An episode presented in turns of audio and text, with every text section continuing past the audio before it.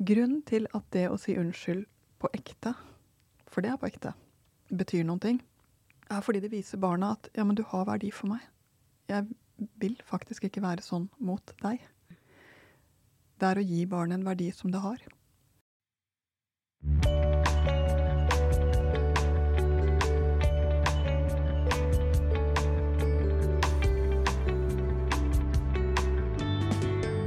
I dag er jeg så heldig som har psykolog Hedvig Montgomery som gjest. Og Hedvig Montgomery er en av Norges mest anerkjente psykologer, er spesialist innen familie- og parterapi og står bak den internasjonalt bestselgende bokserien Foreldremagi, som er oversatt til hele 23 språk. I samarbeid med Aftenposten har hun den ukentlige podkasten og A-magasinspalten Foreldrekoden. I dagens episode skal vi gå inn på hva som skal til for å få et lykkelig og trygt barn. Hvordan skaper du selvtillit?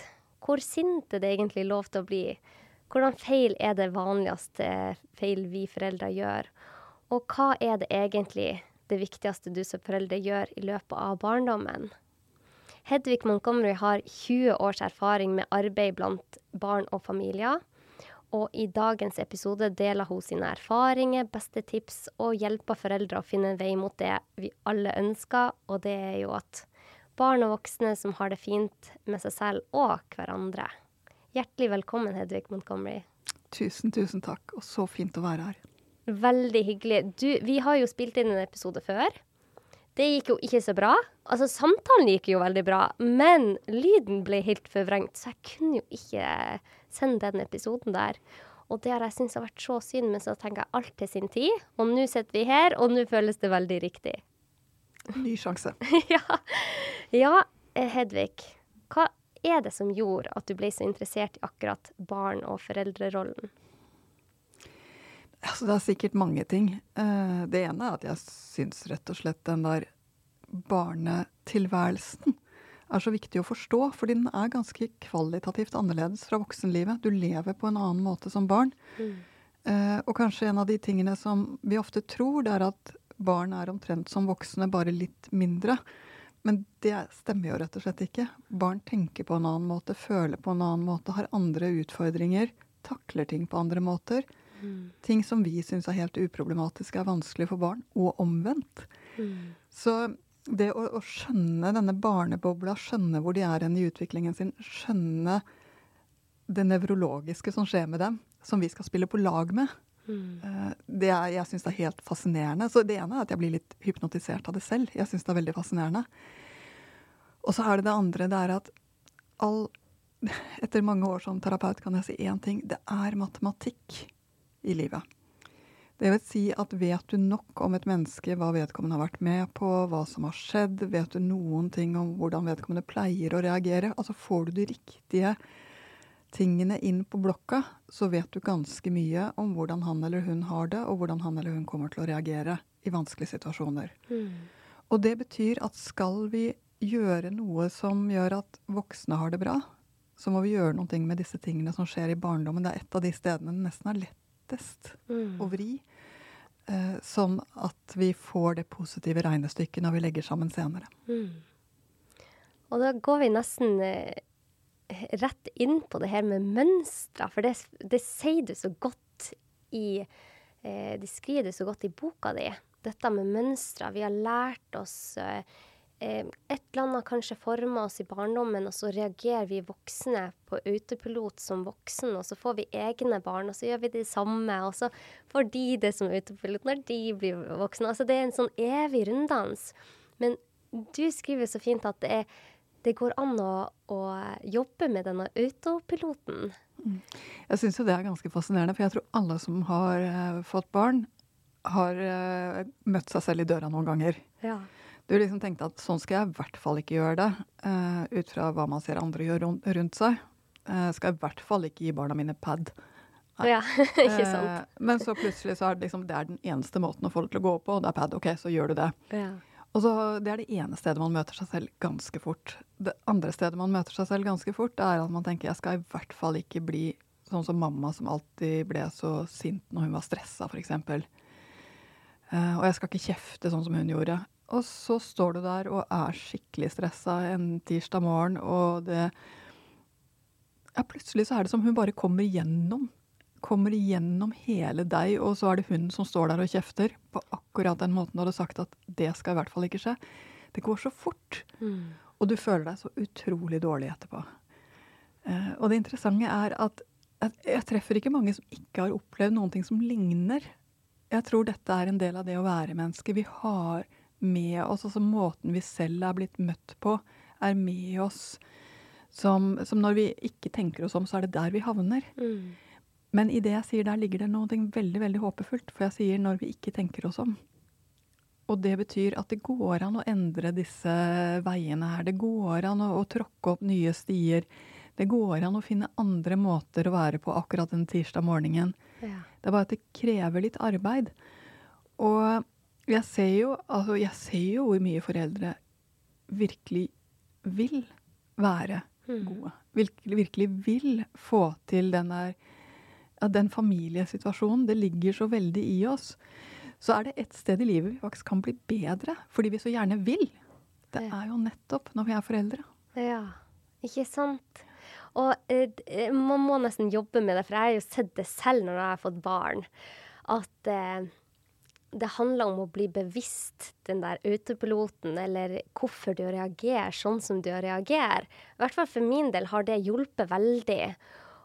Og at man skal være litt tilgivende mot seg selv. For det er veldig lett å se, tenke før man får barn at åh, ja, men når jeg får barn, så skal jeg ikke gjøre det sånn, og jeg skal gjøre det sånn. Og så man blir sliten, og det er vanskelig å, å være perfekt. Og man skal jo ikke være perfekt heller. Så det er, det er, spen, det er en spennende reise, det her å være forelder. Men jeg tenker òg at det handler ikke bare om hvordan man eh, oppfører seg mot barnet, men det handler òg om hvordan man er mot seg selv, for de lærer jo så mye av oss. Hva tenker du? Jeg har veldig lyst til å snakke om dette om å få trygge barn, men tror du at vi må skape trygge voksne for at det skal skje? Hva, hva du tenker om dette? Ikke sant? Altså Det som er spennende med dette, er at folk har jo så forskjellig utgangspunkt. Noen har oppvekster som det egentlig bare er å, å trykke copy-paste på. Mm. Mens andre har oppvekster som det er et godt stykke å gå fra. Det trengs å gå et godt stykke. Men enten man har det ene eller det andre, så er det én ting som er nytt, og det er tiden. For hvordan vi møter barn, og hvordan vi oppdrar barn, det er jo også et spørsmål om tidsånd. Det er et spørsmål om samfunnet rundt oss. Vi, og ingen av oss oppdrar barn i et vakuum.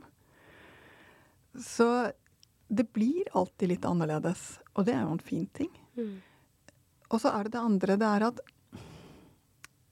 jeg skulle jo si at selvfølgelig er det fint om du er en trygg forelder. Men hvis du sitter der og har med deg dine sår, dine angster, din uro, så er det ikke bare å si 'men nå er jeg blitt forelder, så nå skal jeg være trygg'. Nei. Det er Noen har det veldig lett og jobber seg lett til trygghet, mens andre har en mye, mye større vei å gå.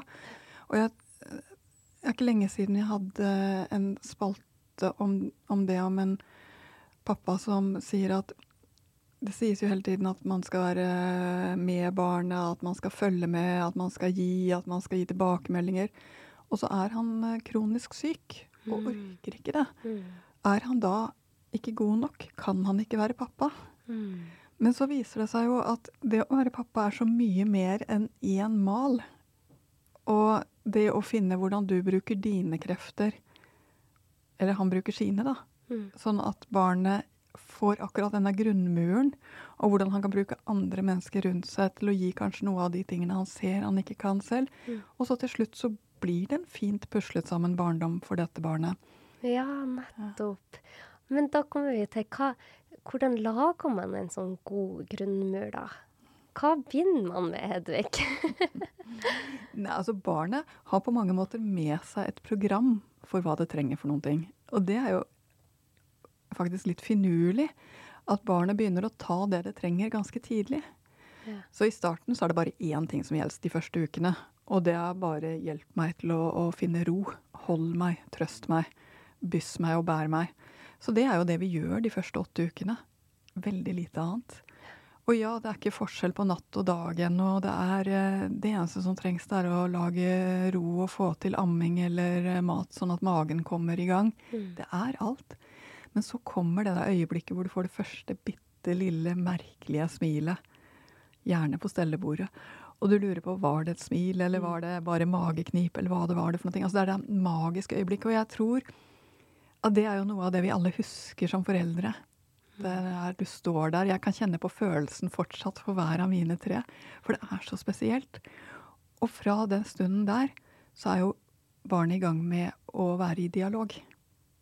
Det smiler, venter på din reaksjon. Du smiler tilbake igjen. Mm. Og da får du verdens smil tilbake igjen. Og så venter han spent. Hva skjer for noe nå? Og så er vi i gang med den der frem og tilbake. Og denne turtagingen nettopp viser nettopp at nå er det noe nytt som skjer her. Nå trenger barnet noe nytt. Trenger ansikt til ansikt. Trenger å få de der minuttene hver dag av bare feedback. Jeg er. Du er. Så da er barnet der.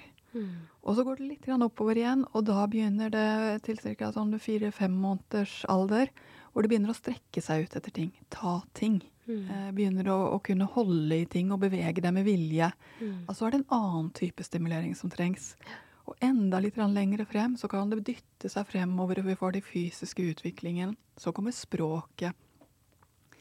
Altså helt opp til barna flytter hjemmefra, så går de altså gjennom et, uh, en programvare, nærmest. Mm. Uh, hvor de i takt med at de kan gjøre nye ting, ber om den inputen de trenger. Mm. Så når du spør hva er det for noe barn trenger? Jo, barn trenger voksne som er litt oppmerksomme. Hvor er barnet mitt nå? Hva er greia nå? Mm. Så tilstedeværelse. Hm. Det er jo eh, Det er jo mye snakk om eh, at eh, sant, i samfunnet nå så er det vanskelig å være til stede, for man blir avbrutt hele tida av så utrolig mye stimuli. Det er så mye som skjer rundt oss. Og jeg tenker ofte på det Prøver å sette klare rammer. Jeg skal ikke ha mobilen mellom tre og åtte framfor barna. Og, sette, og, så går jeg på en smell, og så må jeg sette nye rammer. Det er vanskelig det her, Hedvig. Eh, hvordan, eh, hvordan, råder du folk til å, å finne en fin balanse på det? For det er veldig lett å falle inn i mobilen sin, f.eks. Ja, ja. Altså, det er kjempefristende. For når noen ting blir vanskelig, så er det alltid noe lett i mobilen. Ja, nettopp. Så er det noe rart at vi faller der. Uh, men jeg tror det ene er det vi snakker om nå. Uh, at det, det, er andre, det er ikke noe viktig. Det som skjer mellom deg og barnet, er faktisk viktigere. Mm. Uh, og det betyr ikke at du trenger å gjøre det hele tiden, men hver dag. Mm. Og i starten trengs det veldig mye. Etter hvert trengs det faktisk litt mindre i tid, men mer at det blir timet riktig. Ja. Men det andre er at jeg tror også vi lever i en tid hvor vi Jeg tenker av og til at det virker som skyggen ligger foran oss istedenfor bak oss. Vi vil så gjerne noen ting som vi ikke har kommet til ennå. Mm. Vi vil være forberedt. Mm. Eh, vi vil at ting skal skje før det har skjedd. Eh, vi vil hindre ulykker før vi en gang har vært i nærheten av der hvor de kunne ha skjedd. Mm. Jeg, jeg tror at vi lever i en tid hvor hvor det der som ikke har skjedd ennå, nesten opptar oss for mye. Og vi dermed får for lite oppmerksomhet på det som faktisk skjer. Mm. For det er klart det kan være at det går galt. Det kan være at det kommer en virussykdom eller at det kommer en krig. Men vi må hele tiden jobbe med det vi kan jobbe med her og nå. Mm. Hvordan gjør man det? Ja, for det er jo det rare. Hvor er det det vi kan gjøre her og nå, skjer? Jo, det skjer i nettopp i det å være sammen. Det skjer i relasjon. Mm. Det er når vi er med venner, når vi er med som vi kan få de gode ideene til hva vi kan gjøre som monner for å hjelpe andre. Mm. Det er når vi er med barna våre at vi ser hva som kjærlighet betyr og er, og som gjør at vi får utviklet den empatien som igjen gjør at vi kan hjelpe andre. Jeg tror vi henter mye, mye mer i de nære relasjonene enn det vi helt snakker om. Mm. Vi henter mer når vi snakker med kjæresten vår, enn det vi gjør når vi sjekker nyhetene. Mm, ja, absolutt. Og det viser jo studier og forskning at relasjonene våre har så utrolig mye å si. Ikke bare for relasjonen sin del, men for vår egen helse, og for om vi lever lenge. Og det er forebyggende for sykdommer. Det er helt utrolig hvor mye det betyr, det der bare å bli sett. Og det rare er at når, når vi sier det, og dette har vi jo, som du er inne på, ganske tydelig forskning på, men da er det lett å tenke at det er de dype relasjonene, der hvor man deler sine innerste tanker. Men det forskningen viser som er helt pussig, det er at det er kjempefint. Og har du det, så er du eh, virkelig blant de heldige. Mm. Men det er ikke det som er avgjørende. Det som er avgjørende, er at du har noen å si hei til. Ja. I det øyeblikk du har sagt hei til noen og blitt møtt med et blikk og et smil, så begynner vi å snakke om livskvalitet. Og det, av og til så tenker jeg at den der der er så pussig, fordi vi, vi, innfører billettautomater å betale på. Vi kan, eh, har nå automatiske kasser på Rema. Eh, vi, eh, alle som sitter på bussen, sitter og ser ned i telefonene sine. Mm. Altså, vi tar bort de naturlige stedene i et samfunn hvor vi møtes. Ja. Av folk vi ikke kjenner, men som vi nettopp kan ta den der lille 'hei, hvordan går det?' til. Mm. Og det bekymrer meg. Eh, det er ikke lenge siden Storbritannia innførte at de skulle ha en ensomhetsminister. Fordi ensomhet sprer om seg som et helsefarlig fenomen i Storbritannia, hadde noen kommet frem til. Mm. Så tenker jeg kanskje de istedenfor skulle innført en deautomatiseringsminister. Altså Eh, fordi for et folkeferd hvor det å gå på puben ja. eh, har vært på en måte sjela. Ja. Og det å, å, snakke med hun bak disken har vært eh, det som har holdt mange mennesker oppe. Så det er klart at i det øyeblikk du bestiller ølen din på en app og bare får den levert på bordet med et klask, så har vi jo tatt bort noen ting. Ja, nettopp. Det var veldig interessant det du sa nå. Hedvig. Det var Jeg fikk litt sånn eye-opener nå. Det å bare se hverandre. Jeg ser jo det selv. At eh, når jeg bare møter på naboen og tar en liten prat i to minutter om været, så jeg blir glad, jeg blir i godt humør av det. Det gir meg noe. De sånn løse relasjonene òg. Ja. Så et lite slag for småpraten er en av mine fanesaker, kjenner jeg. Ja. Og det er interessant, for under pandemien så har vi jo blitt avvent med småprat. Ja. Vi har liksom begynt å se på hverandre litt som mulige smittebærere. Ser jo det ut på gata. Folk står lengre fra hverandre nå enn noen gang før. Ja. Vet du hva, Vi må ta tilbake igjen småpraten. Ja, nettopp. Ser du, for du jobber jo ikke bare med barn, du jobber jo med voksne òg. Ser du at flere sliter med det her med småprat, at de får litt sånn sosial angst? Eh, eller ser du at vi tilpasser oss og kommer tilbake til det gamle, eller? Altså nå må jeg bare si, Mennesket er eh, langsomme greier. Mm. Vi kommer tilbake igjen. Tyngdekraften virker. Ja. Så sånn sett så er jeg lite bekymret. Men de som har litt sånn Litt lettere for å trekke seg unna, litt lettere for å kjenne at de på uro, de har nok hatt det mye, mye hardere enn de fleste andre. Mm. Og trenger nok også mer av den drahjelpen for å komme tilbake. Mm. Hva er dine beste tips for det? Nei, For det første så er det rett og slett småpraten. Ja. Altså Hei er det mest helseskapende ordet vi har. Ja. Uh, og det andre det er begynn å gå på arrangementer igjen. Mm. Gå på kino, gå på fotballkamper, gå på konserter. Eh, begynne å bruke samfunnet igjen. Bruke språket. Ja. For i det øyeblikk du begynner å bruke samfunnets steder å møtes, ja. så kan vi også begynne å bruke språket mer. Ja. Godt tips, Hedvig. Så det er jo dette med å se. Vi ser jo selv som voksne hvor utrolig viktig det er å bli sett. Og barn har jo like stort behov, om kanskje mer behov, for å bli sett. Det er større fordi barn bruker voksne som sine veiledere når de ikke helt vet.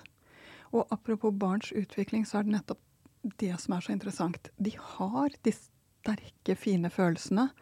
Men å roe seg ned eller å håndtere nervøsitet, altså alle disse tingene her, det har de ikke rett og slett modenhet til ennå.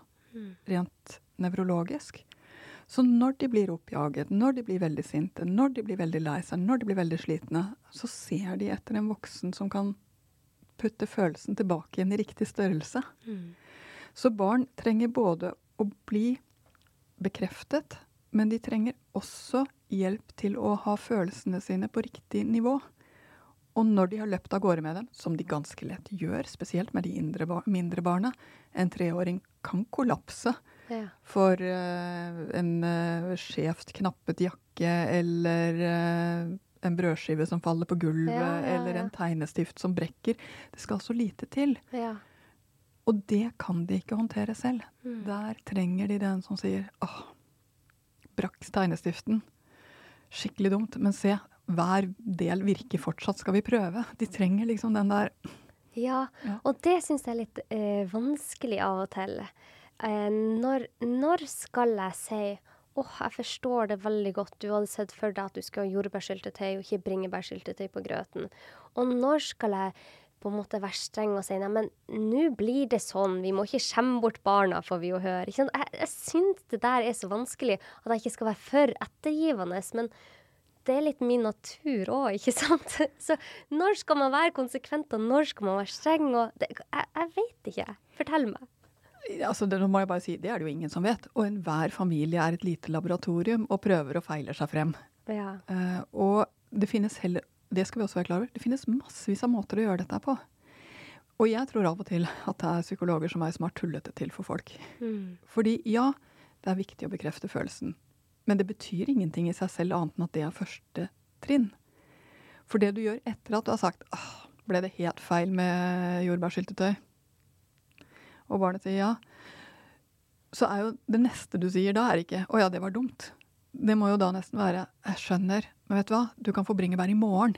I dag blir det jordbær, for det går ikke an å ta av igjen. Altså, Da må du hjelpe barnet med den der Ja. neste trinnet. ja, og skjønn neste trinn. Ja, for Ja. det er det barnet overhodet ikke kan selv.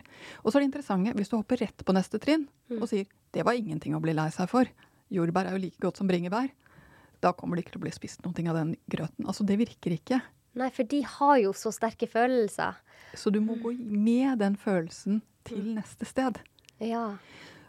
Så spørsmålet hvor mye skal man eh, bestemme? Eh, Du bestemmer masse. Du bestemmer, når, eh, du bestemmer hvordan dagen ser ut, du bestemmer om det er barnehage eller ikke barnehage, du bestemmer hva som er til middag. Altså, du som mamma bestemmer så himla mye. Mm. Det er ikke det at du ikke bestemmer som er problemet. Men når du havner der at barnets følelser blir litt sånn Og de blir fort overrasket. De er jo nye mennesker, har ikke levd før. Eh, de vet kanskje ikke engang at det ikke går an å bare skrape av den der dumme jordbærsyltetøyet. Hva vet de om det? Ja. ja. da handler det om å skjønne at ja, ok, dette var en bitte liten sak for meg, men du har ikke gjort det før. Så ok, vi får gå den veien. Mm. Det vil si ned i øyenhøyde, men så er det du som er voksen og kan gå videre sammen med barnet. Mm. Og nesten ingenting av dette her gjøres når du står ovenfra og ned, dvs. Si bøyd over barnet. Mm. Eh, Du må liksom ned i øyenhøyde, bokstavelig talt. Sette deg på uka og si ah, feil syltetøy. Ja. Så bøy seg i knærne, det er et viktig eh, tips. For da blir du mindre truende. Ja. Og jeg må bare si det, at hvis min leder kommer inn, og, og jeg sitter litt lavt nede i stolen min, og han stiller seg opp med hendene i siden og sier Ja. Det er klart, selv jeg syns jo det er litt sånn. Men vi glemmer av og til hvor bitte små barn er. Ja, ikke sant. Men Hedvig, når skal man være streng? Ikke sant? Når skal jeg vite at jeg bare skal go with the flow med barnet, og når skal jeg liksom sette ned foten? Og så syns jeg òg det er vanskelig Hva skal konsekvensen bli når jeg setter ned foten? Skal det være en konsekvens? Altså, det, det der syns jeg er kjempevanskelig. Jo, men jeg tror kanskje det, altså Du spurte om det var den vanligste feilen. Jeg tror den vanligste feilen er at vi ikke helt skjønner at det er vi som bestemmer nesten alt. Mm. Så barnas bitte små forsøk når de blir overrasket, eller når de eh, Det er bare små krusninger. Det er du som har bestemt at vi skal være i barnehagen til klokken kvart over åtte. Ja. Det er din beslutning. Ja. Eh, og du har sikkert en grunn til det som barnet ikke har i det hele tatt. Mm. For barnet er kvart over åtte en helt abstrakt størrelse. Mm. Kan ikke klokka engang, vet du. Mm. Så allerede der har jo du tatt en beslutning og satt en ramme. Og så viser det seg at hun på veien uh, finner noen hvite bær som hun bare må undersøke. Ja. Ikke sant?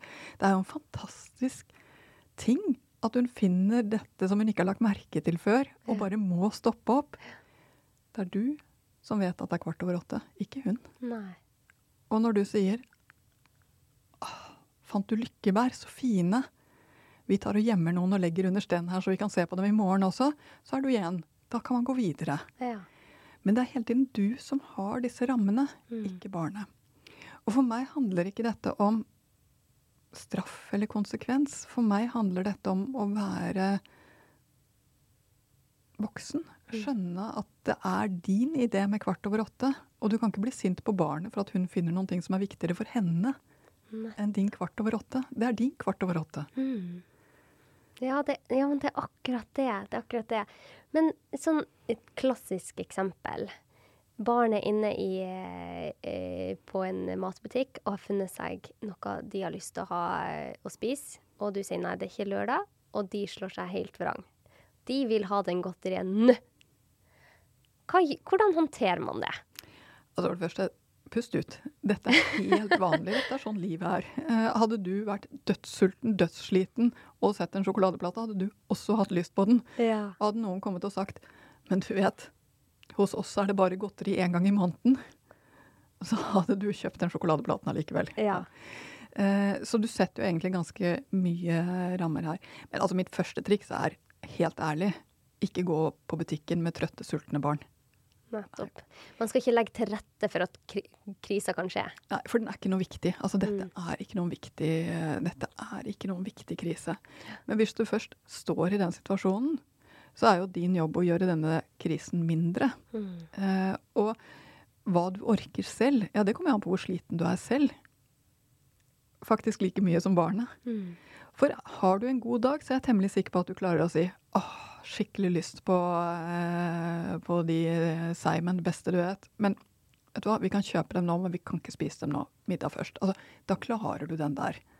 Ja. Ja. Men er du skikkelig, skikkelig, skikkelig sliten, så kommer du til å kjøre barnet hjem med åpnet Seiman-pose i, i fanget. Altså, sånn er det bare. Men det er ikke tidenes undergang. Er, da kan du si ah, nå ble det seigmann på feil tid, men vet du hva? Det er ikke det, Innimellom så skjer til og med sånne ting. Ja. Men det blir lenge til neste gang. Men det er så mye skam forbundet med det, for at samfunnet sier det der skal du ikke gi. Du skal ikke gi en pose med Sigmund på en onsdag, og du må være streng. Det, det er så mange sånne tanker som kommer opp da.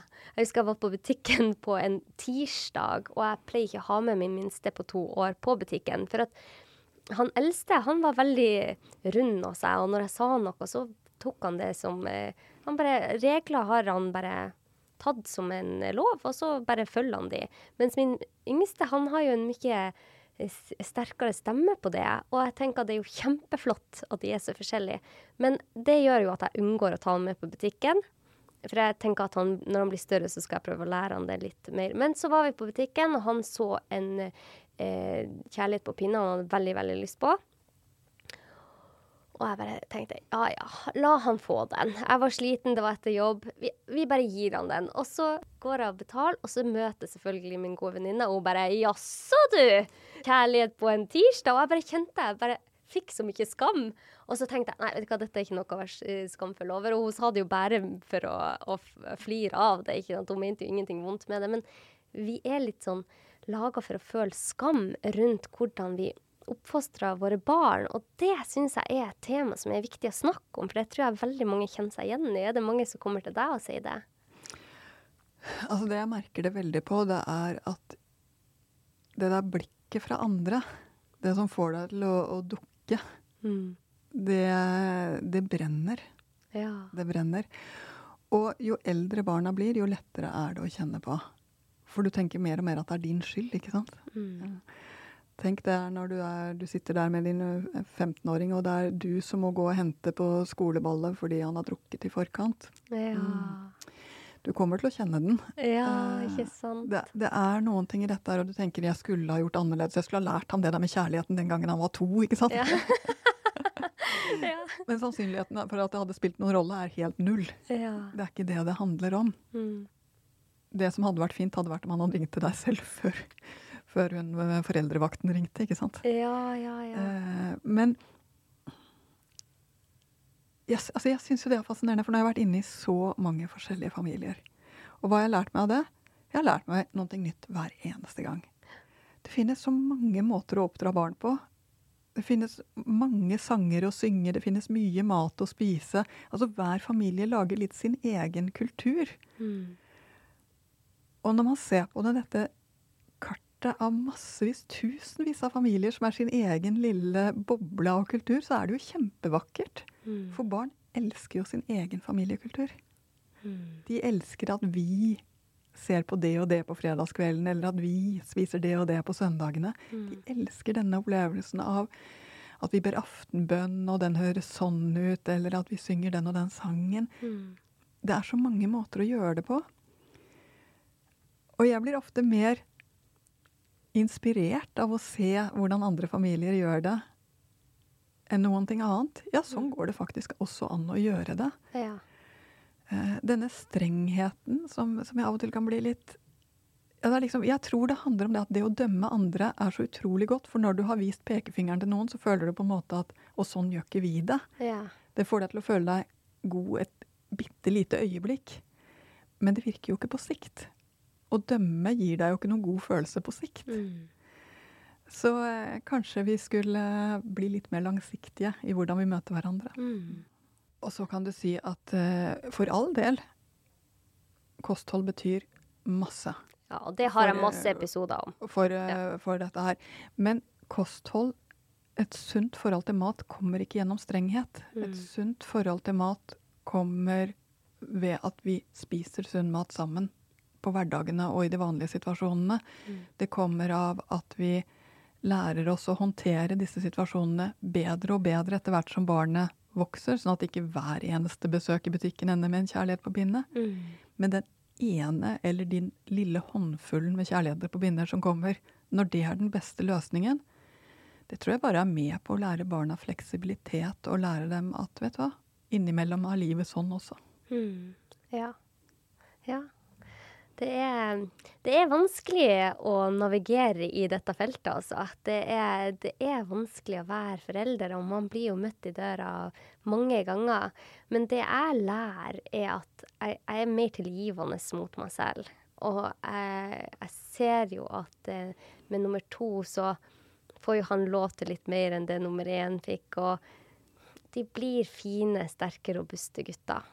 Men det er mange som har spurt meg når de visste at du skulle komme, og, og spurt meg hvordan kan jeg sikre at mitt barn blir trygt og får god selvtillit og klarer å stå i livet alene etter hvert. For det er vanskelig å være et menneske.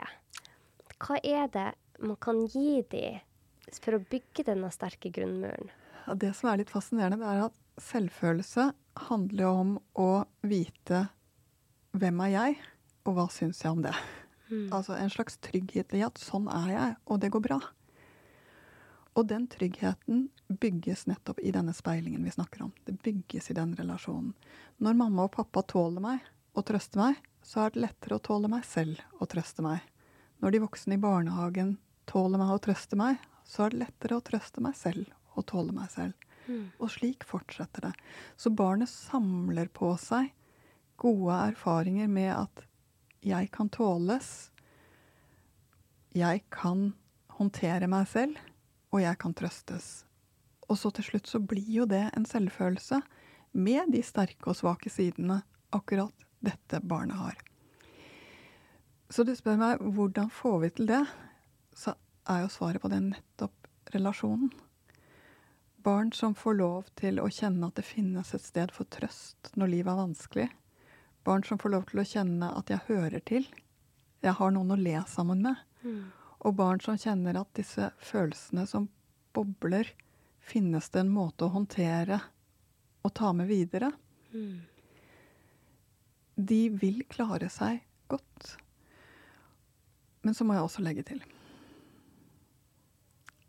at det handler jo også om å få lov til å leve et liv få lov til å prøve og feile, få lov til å ha gode stunder eh, og le sammen, og ha dårlige stunder og eh, trenge trøst. Mm. Livet gir så mange uventede ting som vi ikke har planlagt. Det kan være sykdom, det kan være skilsmisser. Det kan være ting som skjer i klassen, det kan være forelskelse som ikke blir gjengjeldt. Altså, det er så mange sånne punkter Mm. i en barndom. Så lenge barn vet denne ene tingen Ja, sånt skjer, og du er ikke alene. Mm. Ja, det var dumt. Og jeg ser hvordan du har det, og går ingen steder før det er litt bedre. Så lenge det er en del av det dere har hjemme, så vil det barnet flytte hjemmefra. Klare seg fint. Klare å betale regningene sine. Altså det, det bygger det som skal til Mm. for å møte resten av livet. Mm. Åh, det var så fint, Hedvig. Det, jeg er så glad for at du er med her og får dele av din kunnskap. Jeg har, sånn, jeg har så mange spørsmål til deg, men vi rekker jo ikke alt i dag. men eh, det var veldig fint at du fikk svart på det, for det er mange som har spurt om det. Jeg tenkte at eh, vi skulle si noen ord om dette med rosing. Det å gi barna ros. Og det er jo Dette syns jeg er litt vanskelig. Sånn som min mor. Hun er et fantastisk menneske og har gitt meg en kjempegod barndom. Hun er veldig opptatt av at jeg ikke skal rose for mye. Og jeg syns det er kjempevanskelig, for jeg har jo så lyst til å rose. og syns jo at de er verdens eh, dyktigste barn på alt de gjør. Men så hørte jeg en episode der du sa at kanskje det å si at, at det der med å være flink, kanskje det kan virke litt mot sin hensikt. Og jeg tok det veldig til meg, og jeg lærte veldig mye av deg på det. Men kan du forklare, hva mener du med det at man ikke skal si at de er flinke? Altså nå må jeg bare si at for all del, ros barna dine. Og har du barn som er under eh, syv år, så kommer de til å elske all rosen de får nesten uansett. Ja. Ja. Fordi det er nå engang så viselig innrettet denne naturen at de minste barna trenger at foreldrene syns de er finest i hele verden. Mm. De trenger det som nesten noe sånn kunstig lys. Og så kommer de på skolen, og så kommer de til å si 'det sier du bare fordi du er mammaen min', Mm. og det har de helt rett i. Og så kommer de til å forlange smartere ros av deg. Ja. Sånn at de på mange, igjen, de ber om det de trenger etter hvert som de vokser til. Problemet med all den flinkrosen, det er at vi gjør den litt på autopilot. Mm. Fordi at første gangen barnet kommer opp og tar sine første skritt, og du sier 'Å, så flink! Du går helt selv', så er jo det sant. Ja. Men når femåringen går helt selv, så blir det litt rart når du sier 'så flink du er som går'. eh, fordi det skulle jo på en måte bare mangle, ikke sant? Det har jo skjedd noen ting der imellom. Sånn at for at ros skal være ros, og ikke bare noen ting som du tar på autopilot eller på, på repeat, Mm. så må du jo se hva er det for noen ting som skjer. Mm. Er dette noen ting du er glad for selv, Mm. så er det jo å dele den begeistringen. Wow, fikk du det til? Det er jo kjempefint for kontakten dere to imellom. Mm. Men hvis du sitter og blar på Insta og sier så flink du er, Ja. når barnet egentlig bare sitter og husker litt uh, halvhjertet, så er det ikke noen ting som styrker kontakten dere to imellom. Mm. Sånn at ro som funker, handler jo om å se. Mm. Så det skal det være genuint, det du sier. Ikke bare 'Å, så flink du er på autopilot'. For det, det merker du jo selv at det ikke kommer innenfra, og det merker den som mottar. Det er jo sånn for oss voksne òg. Klart det er. Ja. Så, så det er jo egentlig der det ligger. Og så tror jeg også at noe av det som er skummelt når du overbruker ordet flink, det er at det høres ut som om det er det livet handler om. ja. Å Men liv- flink. Men livet handler om så mye mer enn det du får til det du gjør. Det handler om eh, hvem du er, det handler om akkurat den situasjonen, det handler om å være god. Det handler om så mye. Og det tror jeg egentlig barn har godt av å vite. Mm. Så når du blir for flinkorientert, så tror de at de må gjøre for å bli likt. Mm. Men det trenger de jo ikke. Vi elsker jo ungene våre sånn som de er. Så hvordan skal man gå fram, da? Eh, så når man sier eh, noe til dem, så skal man i hvert fall vite at man kjenner det på innsida at det er det man føler, og at det ikke er en autopilotsetning. Å, så flink du er. Altså nå må jeg bare si, Nordmenn generelt roser hverandre altfor lite. Ikke sant? Altså Herligheten. Vi har masse å gå på. Du er kjempefin på håret, forresten. Du ser helt nydelig ut. Vi sier jo altfor lite av de tingene bare for å få den andre til å føle seg sett og bra. Så problemet i norske familier er jo ikke det at man roser altfor mye. Nei. Det er jo stort sett at man sitter og, og er veldig forsiktig med hva man sier for noen ting. Ja. Så for all del, del begeistring. Wow, fikk du til det? Ja. Åh, så fint det ble. Få se, har du gjort noe mer? Altså, vær med på det barna kommer og viser. Vær med på det barna kommer og gjør. Og vær med på deres helt ekte glede Mm. når de, når de holder på med noen ting. Men ikke ta over. Det er barnet som holder på med noen ting. Det er barnet som er stolt med noen ting.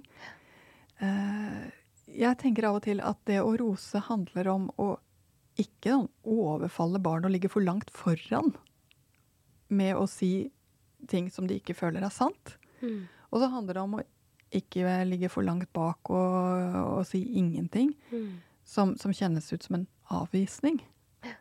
Men å rett og slett si det. Jøss, få se. Mm. Så fint. Å, så fin du er i dag. Er det noe spesielt som skal skje? Altså, det er jo dette her som egentlig er ros. Mm. Så jeg, jeg tror kanskje det som er så lett å snuble i, det er at hva er ros? Jo, ros er anerkjennelse for noen ting som du selv bringer litt til torgs. Mm. Det, det der er jo min mor så veldig enig med deg i òg. Det, det er bare så lett å tenke å, nå må jeg for å styrke selvtilliten, så må jeg si å, du er så, du er så god på fotballbanen. Og så vet jo han at han ikke er så veldig god, og jeg vet det. Men så tenker jeg å, de må jo si det sånn at han får selvtillit. Ah, ja. Og så må jeg bare si, vi har vært gjennom en periode igjen. Det, det, det gis jo så mange råd. og Jeg kan jo av og til kjenne at, det, at det, det er jo ikke så bra når jeg driver med det selv. Men vi har f.eks. hatt sånne ting at du skal rose syv ganger for hver gang du sier noe kritisk, eller et eller annet sånt som var en, eh, en, eh, en litt sånn tommelfingerregel på 80-tallet.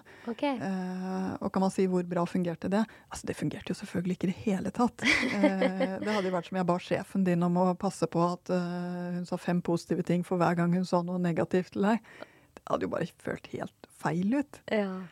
Eh, fordi akkurat dette her med ektheten i møtene, også med egne barn Det som gjør oss til en familie, er jo ærligheten.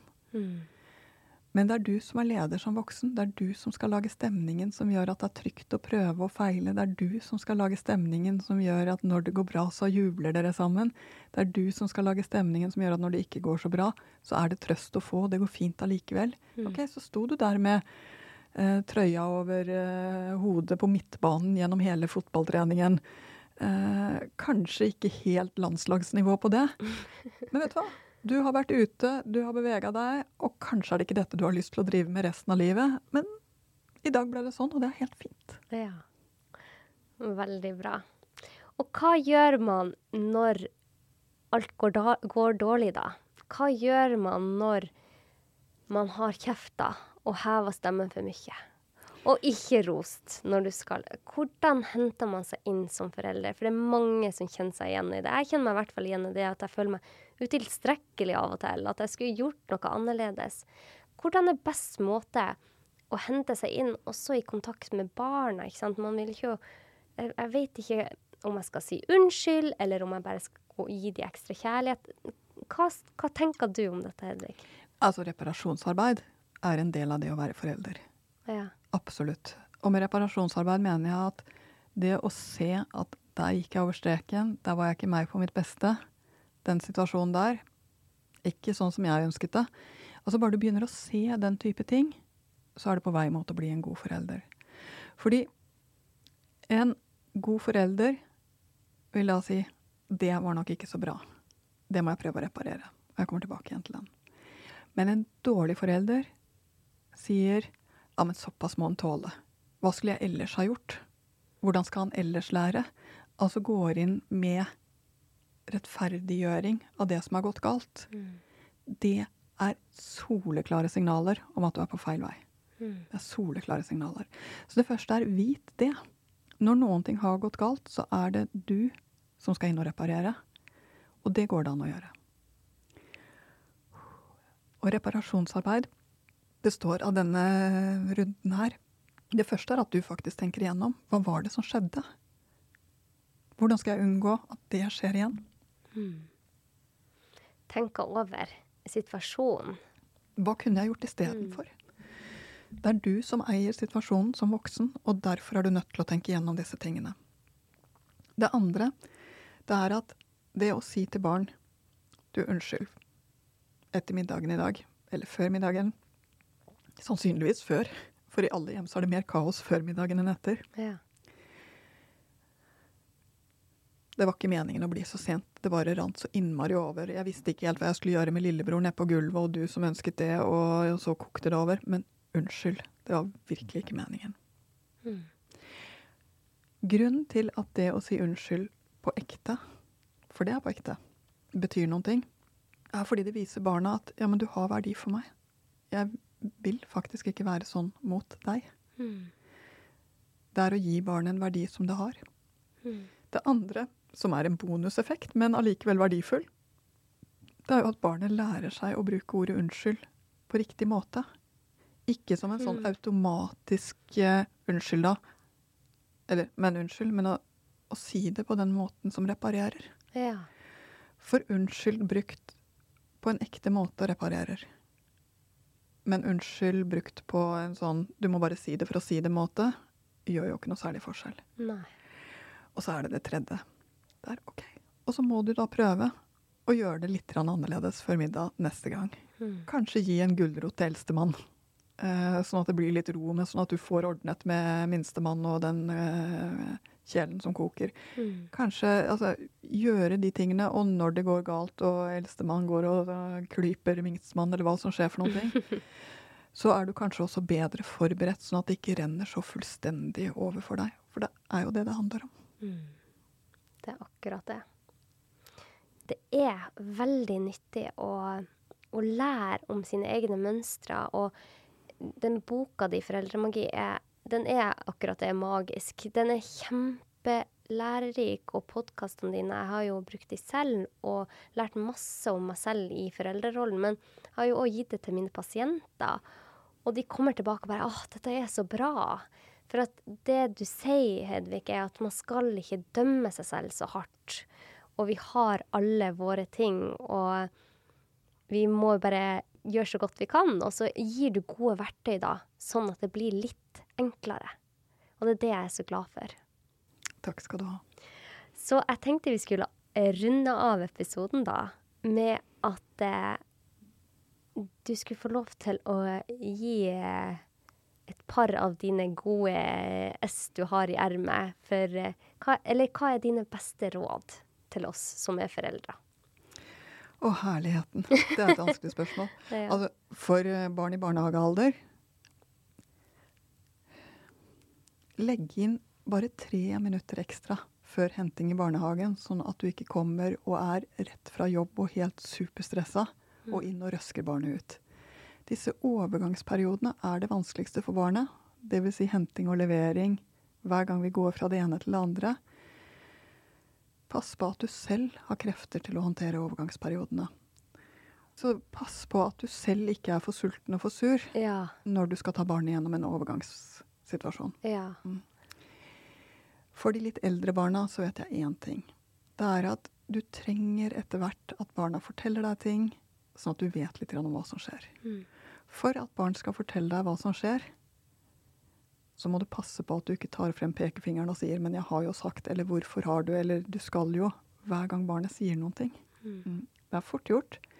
Men du må rett og slett bli vant til, og barnet må bli vant til, at uh, når du spør hvordan var det i barnehagen i dag, eller til skolen, og barnet sier «Ai, kjedelig.